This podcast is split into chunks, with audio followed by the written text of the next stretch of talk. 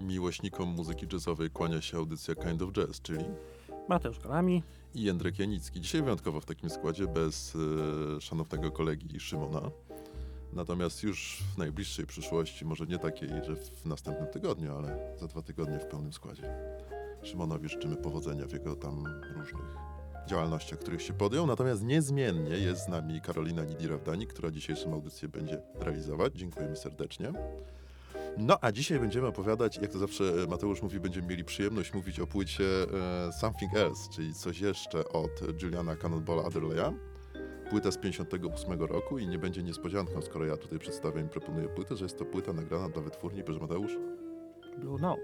Blue Note, zgadza się, tak.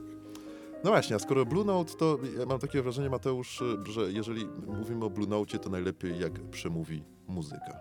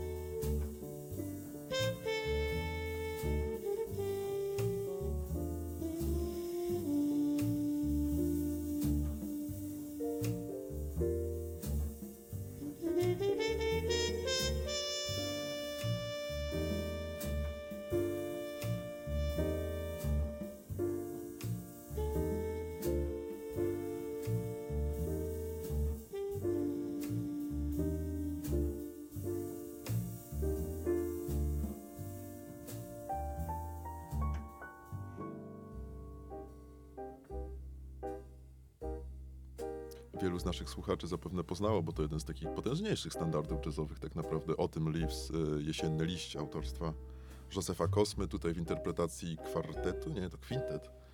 Kwintet. Trzeba powiedzieć kwintet. chyba. Kwintet, tak. Juliana Cannonballa Adderleya z płyty Something Else z 58 roku. I zanim powiemy o personaliach, zanim powiemy coś więcej o tej płycie, Mateusz, powiedz mi, czy to jest twoje ulubione o tym Leaves? Y, No tak w kucharach ro- rozmawialiśmy, że, że chyba tak, że, że jeżeli chodzi o Autumn Leaves, to, to moim zdaniem jedno z najlepszych.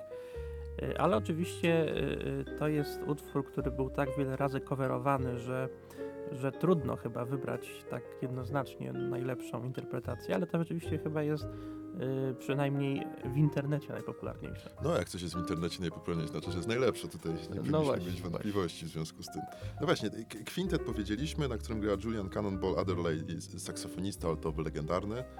Natomiast trębacz jest jeszcze bardziej legendarny na tej płycie, bo to jest sam, Miles Davis. tak, Bóg przemówił Miles Davis. Na fortepanie gra Hank Jones, na kontrabasie Sam Jones i na perkusji też wyjątkowa postać w historii jazzu, Art Blakey.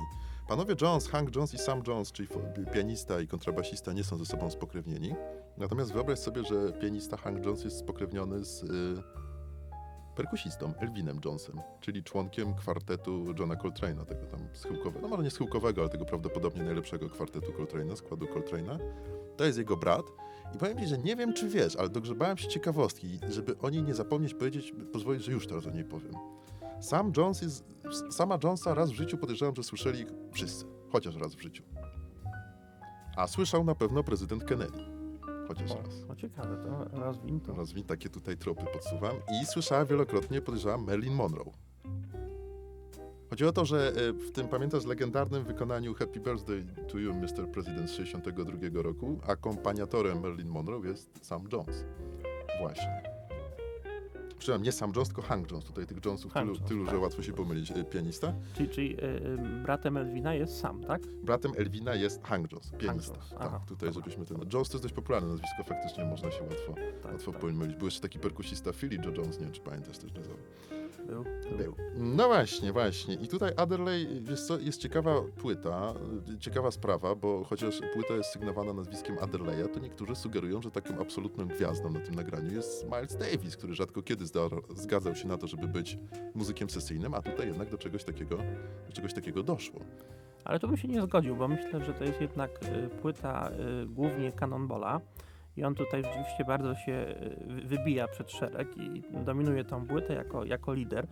Y, A Miles właśnie, i to jest, to jest myślę ciekawe na tej płycie, by jakby trochę się chowa i jest taką postacią y, jakby właśnie, y, która oddaje pola Adderleyowi, prawda? I to jest myślę bardzo ciekawe na tej płycie i w ogóle też pokazuje, że Miles Davis nie zawsze musi być liderem, prawda? No właśnie, właśnie, ciężko w to uwierzyć, bo zawsze tam uwierzyć. genialny band leader, że do, dobiera ludzi fantastycznie, a tu sideman po prostu, gra to, co mu każą. Tak, no i to, to, jest też, to jest też fajne, prawda, bo to jest jego przyjaciel, więc, więc dlaczego miałby nie zagrać u niego jako sideman, prawda, i tak, tak to zrobił. No wiesz, oni się znają całkiem dobrze, bo parę miesięcy wcześniej przed Something nagrali razem płytę e, Milestones, też z Coltrane'em i Redem Garlandem, chociaż to są płyty zupełnie inne, tam Milestones jest chyba cięższe to frazowanie, tam jest więcej poszukiwań takich melodycznych w skalach i tak dalej. No a jakiś czas później, nie taki długi, nagrali wspólnie Miles i, i Cannonball Adderley, Kind of Blue. Właśnie, tutaj to jest taka płyta, że wręcz y, wspólnie tutaj chórem wykrzykujemy jej nazwę, jak widać. Tak, ładnie. No właśnie, właśnie. Jak ci się podobała Mateusz ta płyta? Oprócz tego, że o tym Leaves jest być może twoją ulubioną interpretacją właśnie. Ten. Ona jest bardzo, bardzo ciekawa, ona ma taką sobie y, delikatność, y, gładkość też pewną, ale nie taką smooth jazzową, tylko taką gładkość bardzo szlachetną. Y, No ale oczywiście wpisuje się w, w, w, ten, y, w tą muzykę y, w końca lat 50., y, amerykańskiego jazzu końca lat 50. Y, Kind of Blue jest też trochę podobną płytą do tej na pewno. Na pewno w Kind of Blue widać więcej poszukiwań, Tak mi się wydaje, tak. tak, mhm. ta jest taka bardziej y, z autopilota, ja to mówię, Mhm. brzydkie określenie, ale, ale jest tak grana po prostu bardziej konwencjonalnie. Na pewno mniej jest tam takich właśnie, takiego wysiłku widać, y, mniej po prostu tych muzyków jakoś tak y, bardziej zgrzebnie im ta gra idzie, więc, więc myślę, że, że pod tym względem to jest płyta gorsza, ale z drugiej strony no, ma w sobie taką też szlachetność y, bardzo profesjonalnego grania, właśnie bardzo dobrych muzyków, właściwie Mhm, nikt, nikt tam nie, mhm. nikt nie odstaje z tej, z tej, z tej grupy. Y, Więc no, generalnie na plus, na pewno. Wiesz, rzeczywiście brzmienie mi się wydaje, że jest podobne Kind of Blue i, i Something Else, tylko że drugi solista, y, Adderley, ma trochę inny rodzaj wrażliwości niż Coltrane. U Coltrane'a to są rzeczy takie no, bardzo poszukujące właśnie w tych skalach, kaskady dźwięków raz na jakiś czas. No, to może późniejszy Coltrane, na Kind of Blue to trochę tam pobrzmiewało w jego grze na saksofonie. A Adderley jest mistrzem bluesa tak naprawdę, jest mistrzem frazy, mistrzem wyczucia, takiej jedwabistej, gładkiej frazy. Z zupełnie inni muzycy Coltrane i Adderley. Tak, właśnie myślę, że, że to jest dobre określenie, że ta jego fraza jest taka jedwabista, prawda? Ona jest taka. y, On mi się kojarzy bardzo z, z takim też w tamtym czasie bardzo popularnym saksofonistą Polem Desmondem, który grał u Dave'a Dave'a Brubecka. Brubecka, tak, tak. I on Też właśnie- altowy saksofonista. Altowy Mhm. też właśnie i on też był określany jako taki właśnie mistrz delikatności saksofonowej. Nawet ktoś bardzo ładnie określił jego grę jako y, suche martini, prawda? Dry martini. Bardzo ładne, rzeczywiście. I właśnie i myślę, że, że, że Cannonball też trochę takie, Trochę- takie dry martini uprawia. Ja prawda? się z tobą w pełni zgadzam, natomiast, y, no, właściwie nie w pełni, bo teraz sobie w pełni zgadzam, ale, nie? Czyli nie, tak- nie, nie do końca w pełni, bo u Desmonda ta gra jest jednak taka bardziej, y, jednak bardziej kulowa, tam jest dużo tego West Coast Jazzu, ona jest trochę bardziej wy, wyrachowana, intelektual, przeintelektualizowana, to może nie, ale intelektualna, a tutaj mamy dużo tych takich typowych emocji właśnie bluesowych, mi się wydaje, u Adderleya, także na poziomie brzmienia podobnie, ale dobór dźwięków jest trochę inny. Może u Adderleya jest nawet bardziej oczywisty, ale robi to w sposób perfekcyjny i świeży nadal. Tak, tak, to, to prawda, bo w ogóle ta płyta jest y, y, uważana za taki standard hardbopowy, Mhm. a, a właśnie Desmond jest uważany za takiego, y, za taką ikonę cool jazz, Cool prawda? jazzu, zdecydowanie. Mhm. Ale ja myślę, że ta płyta, ona nie jest taka do końca hardbopowa. Ja bym ją gdzieś właśnie tak na pograniczu umieścił. Yy, właśnie hardbopu i cool jazzu, bo, bo jest tam rzeczywiście yy, yy, dużo też takich emocji bardziej gorących, właśnie tych bluesowych, rytm, rytm bluesowych, ogóle, tak, tak, mhm. popowych. Yy, Ale z drugiej strony właśnie też jest taka elegancja i jest yy, taka dbałość o frazę, o szlachetność tej frazy, prawda, Mhm. która by właśnie bardziej odsyłała do cool jazzu, więc ja myślę, że tą płytę można by gdzieś tak na, na pograniczu usytuować. No tak, chociaż tutaj na pewno, wiesz, nie ma takiej, wydaje się, warunku koniecznego, żebyśmy mówili o cool jazzie, czyli nie ma jakichś takich poszukiwań, czy melodycznych, czy rytmicznych. No pamiętasz Leniego Tristano, też, też ojca chrzestnego całego cool jazzu. Ta płyta jest dość prosta tak naprawdę, Something Else. Tak się wydaje, to swingowanie, zobacz, jak sekcja rytmiczna nie gra jakichś wybitnie e, skomplikowanych rzeczy tak naprawdę. No tak, bo to jest proste metrum. Tutaj, tutaj nie ma rzeczywiście żadnych, żadnych odjazdów, ale, ale płyta jest bardzo elegancka na Mhm, pewno. I, I mhm. myślę, że to w ogóle też sobie tak pomyślałem, ale to już tak zupełnie na marginesie, że. że no Uwagi na marginesie są najciekawsze często. Tak, może najciekawsze. Że, że właśnie e, sam fakt, że, że e, właśnie czarnoskórzy muzycy w owym czasie grali tak elegancką muzykę, prawda, to musiało też dużo, dużo dobrego robić dla, dla takiego e, do, e, wizerunku lepszego, prawda, czarnoskórych w Ameryce, jako takich ludzi właśnie wykształconych, którzy potrafią ładnie grać, którzy mają wyobraźnię muzyczną, a nie tylko właśnie ludzi gdzieś, którzy sobie nie, nie radzą z życiem. No tak, chociaż ich sytuacja nadal pozostawała ciężka, bo pamiętamy tę historię Malsa, który przed klubem, już nie pamiętam, którym w Nowym Jorku stał, czekając na swój występ, palił papierosa, jak to Mals miał w zwyczaju, został pobity przez policjanta, tak naprawdę, mówiąc wprost. Nawet Znana bez... historia, tak, tak. ale to właśnie chyba z lat 50. Tak, tak, z lat Tak, 50., tak. zgadza się. Czyli mniej więcej ten okres to był. Miles zresztą twierdził później uparcie, że przez to wydarzenie stał się takim cynikiem w życiu i nie wierzył w ogóle w żadne ideały. Ale też film Green Book, wydaje mi się, dobrze pokazuje tę historię muzyków, którzy nie byli traktowani tak jak To prawda, to prawda. To Tak jak ważny film, być. tak, to w Mhm. tym temacie. Mhm. znakomity. Yy, chociaż też taka fabuła, bo dość prosta, nie? Tego filmu, jakby tak się zastanowić. Tak, Tak, taka trochę naiwna No, nawet. od początku do końca, bo wiadomo, co się stanie, no to prawda. Wiesz co, dlatego jak jesteśmy przy tym Cannonballu Adderleyu, to zawsze no trochę mnie śmieszyły tak naprawdę te porównania jego do Charlie Parkera, że oto umarł król e, saksofonu altowego i na siłę poszukiwano jakiegoś następcy. Natomiast to jest zgoła inny muzyk niż, niż, niż Bert, niż Charlie Parker. Tak, poza tym, poza tym on, on pochodził z, z rodziny takiej no, z dużą kulturą muzyczną, bo chyba jego ojciec był z, z, trębaczem, takim mm, jazzującym mocno. Pochodzi w ogóle z Florydy, więc y, taki ładny, ładny kawałek ziemi, prawda? No tak. Więc, więc widać może stąd taka, taka jego chęć do takiego bardziej przyjemnego, gładkiego grania. Yy, takiego może trochę mniej właśnie poszukującego, ale, ale w ogóle postać, postać bardzo, bardzo ciekawa. Zresztą wiesz, no mówisz o muzycznej rodzinie, jego brat Nat Adderley, trębacz, który jeszcze w dzisiejszej audycji wróci, bo zresztą był twórcą jednego z utworów na tę płytę, no też wyjątkowo utalentowany muzyk. Może nie osiągnął takiego sukcesu jak, jak, jak Cannonball Adderley, no ale też tam, wiesz, w wielu zespołach się pojawiał, oni nawet razem jeden zespół.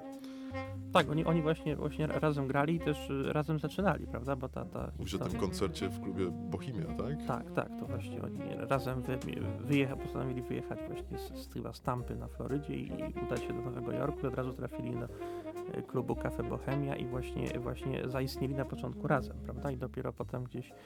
y, Zresztą y, właśnie Nat często, często pom- pomagał, można powiedzieć, wprost grał w zespole, prawda, Ja, z, z tak. Cannonballem. Mhm, mhm.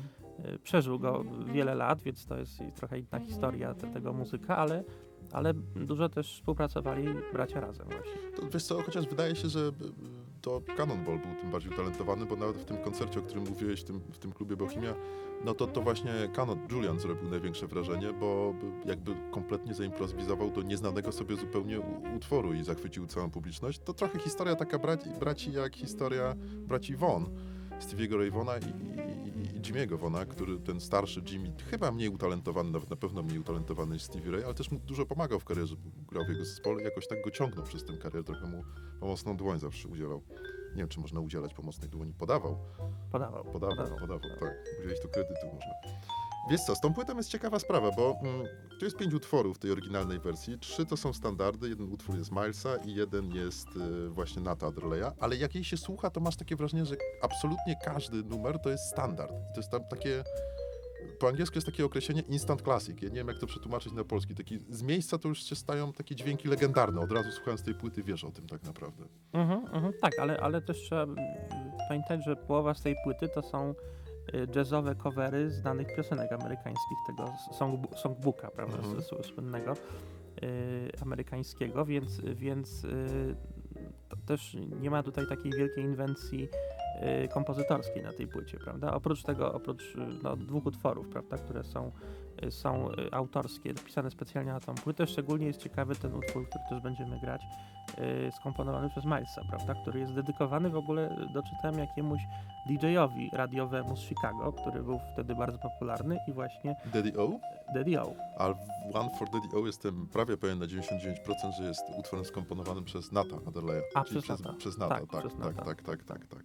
Natomiast wspomniałeś tutaj o tym songbooku, wspomniałeś o tych Ale legendarnych... Miles też skomponował jeden Też utwór tej skomponował jeden utwór na tej Tak, płycie, zgadza się. Natomiast zobacz, żadnego nie skomponował Adderley. I tak naprawdę może to powodowało, że nigdy nie osiągnął aż takiej legendy jak Charlie Parker, który był kompozytorem, no co najmniej niezłym. tak to nazwijmy. No tak, no, Co najmniej niezłym. Powiedziałeś o tych standardach, to może zagrajmy jakiś Love for Sale? czemu nie?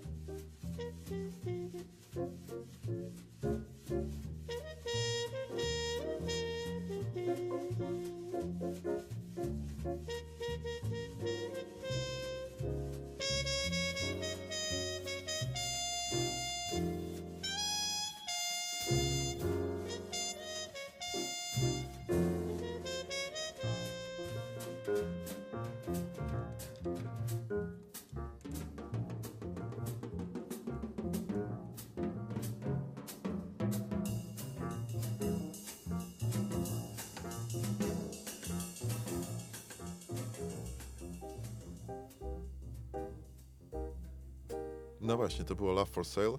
E, no, legendarna piosenka, tak? Tak naprawdę Cola Portera.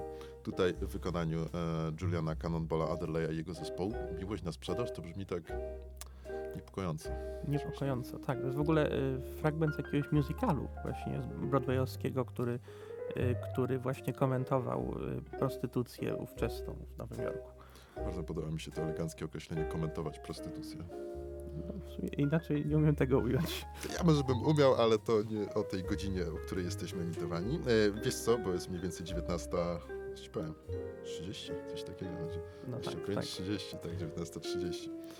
No właśnie, wiesz co, na tej płycie, przechodząc już tak typowo do tej płyty, mm, jest ciekawy podział na sekcję rytmiczną i na solistów. Jakby wiadomo, kto jest gwiazdą, nie? A ta sekcja rytmiczna, Art Blakey i, i, i, i Sam Jones, oni się nie pchają na afisz jakoś tak naprawdę, zostawiają przestrzeń, nie grają w solówek, to Miles i Adderley. Natomiast rola fortepianu jest taka niejasna, bo on jest gdzieś tak pomiędzy. Trochę gra tych solówek, trochę nie gra, nie wiadomo o co chodzi do końca.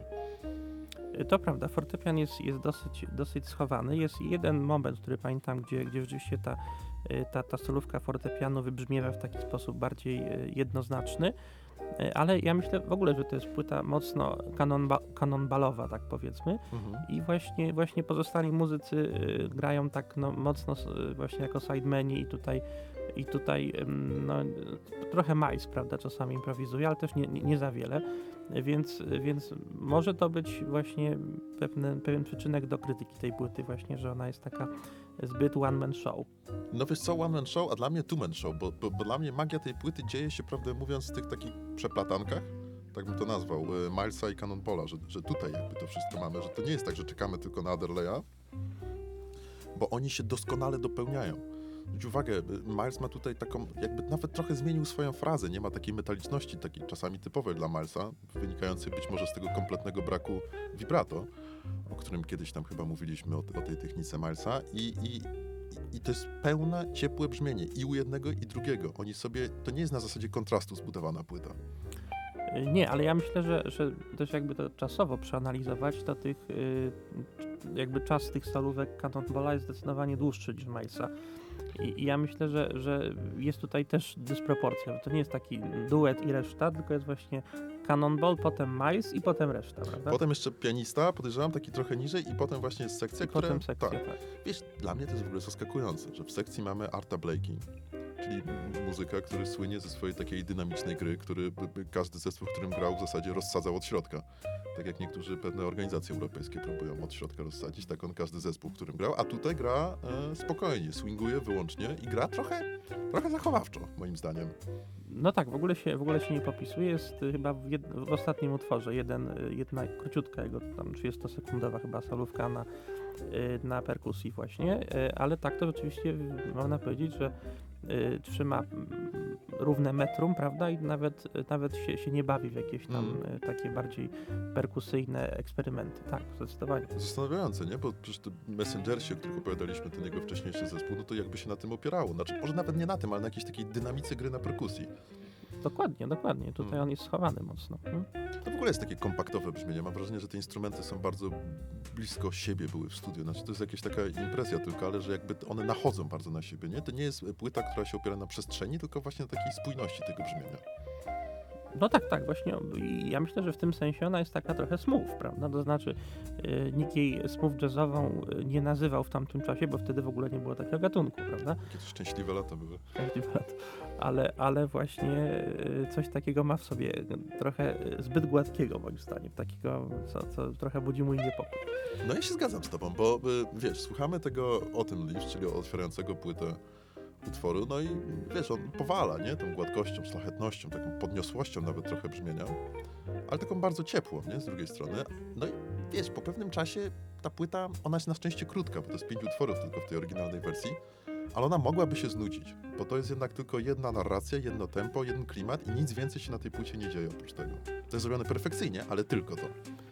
No tak, tak, no właśnie y, już jakby po, po omówieniu wielu płyt, które też y, y, miały taki bardziej eksperymentalny charakter na, na łamach naszej audycji, no to y, może ta płyta być nawet dla, nas, dla naszych słuchaczy trochę zbyt gładka właśnie. No właśnie, chociaż wiesz co, jest jeden chropowaty numer na tej utwór, na, nie, nie utwór, nie, tylko moment na tej płycie, teraz mi się przypomniało i to jest y, powoli, jeszcze o jednej rzeczy wspomnijmy, powoli będziemy przechodzić do końca, to jest jakby absolutnie końcowa część kompozycji One for Daddy O, która jakoś tutaj przewija się przez cały, cały czas trwania naszej rozmowy. I w tej końcowej części Miles y, mówi Is that what you wanted, Alfred? Czyli zwraca się chyba do Alfreda Lyona. Czy to chciałeś osiągnąć, Alfred, tym brzmieniem producenta tej płyty i szefa wytwórni Blue Note? I ten głos jego taki chropowaty, no wynikający z jakiejś tam przypadłości zdrowotnej oczywiście to brzmienie tego głosu, on wyrywa, nie? Trochę z takiej gładkości i jest takim czymś takim właśnie brutalnym nawet nieco. Tak, ale w, ogóle myślę, że ten utwór trochę wy, wyrywa z pewnej monotonii tej płyty, bo on jest właśnie taki bardziej żywiołowy. Gdzieś tam słychać te, te korzenie bluesowe, gospelowe, prawda, takie yy, bardziej brudne tego jazzu. Mhm. I tutaj rzeczywiście ten utwór ma sobie taki fajny brud. Właśnie myślę, myślę że to jest, to jest w nim bardzo fajne. A reszta no, rzeczywiście trochę, trochę jest, jest zbyt gładka. Ale tak, rzeczywiście. No wiesz, no zresztą skomponował go Nat Adderley, a, a to nie jest żaden standard, więc y, tego, tego, tego brudu funka nawet trochę jakby było słychać. Ja mam takie wrażenie, nie wiem, nie wiem gdzie tam się tego doszukałem, ale, ale mia miałem takie jakieś pogłosy w głowie z tego funka. Ja w ogóle jestem rozkochany, jeszcze wrócę do tego w- w głosie Milesa. Naprawdę, ja wiem, że to jest wynik jakiejś choroby, przypadłości, że te struny głosowe absolutnie były zniszczone przez jego nieuwagę tak naprawdę, bo nie dbał należycie o siebie po operacji, którą przeszedł ale to jest jakaś tajem, tajemnica w tym jego głosie, taka wciągająca nieprawdopodobnie. No tak, on miał rzeczywiście taki głos ostry, chropowaty i taki też y, jakby trochę z, z, jakby z zaświatów. Mówił, światu, tak. tak, no. Gdzieś tam właśnie jak duch trochę.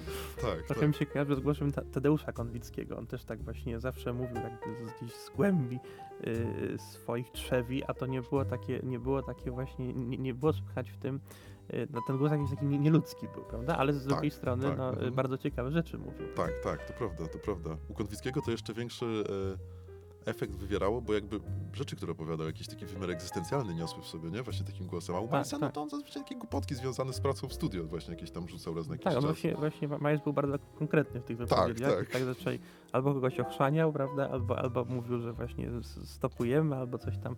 Jakieś krótkie komunikaty Tak, tak, najczęściej. no tak, to ci się podobało Alfredowi. I wiesz co, ale jakby na głosie Milesa jest oparty jeden utwór z płyty y, Everything's Beautiful Roberta Glaspera, w ogóle bardzo ciekawa płyta. I tam jest samplowany właśnie głos Milesa i Mateusz, mam taki pomysł, że żegnając się powoli z naszymi słuchaczami zagramy One for Daddy O jako ostatnią rzecz z tej płyty i zagramy jeszcze właśnie utwór Talking Shit z płyty Everything's Beautiful, gdzie ten głos Milesa odgrywa główną rolę. Bardzo chętnie posłucham, zwłaszcza ten utwór z Robertem Glasperem jest super. W ogóle zdaniem. ta cała płyta, nie? Everything's Beautiful, taka mm, wiele tych tropów stylistycznych się pojawia tam Tak, taki, dużo takich nowoczesnych, prawda? Mhm. Hip-hop, house, y, jakieś, jakieś właśnie muzyka taka elektryczna mocno, to jest fajne. Ale bardzo też elegancka ta płyta jednak zawsze. Tak przy okazji możemy ją szczerze polecić przy opowiadaniu tym Something Else, to Everything's Beautiful dla tych poszukujących trochę innych brzmień, jak najbardziej na tak. A my co? Gramy. Najpierw One for Daddy O, a później Talking Shit. Dziękujemy. Dziękujemy bardzo. Do usłyszenia.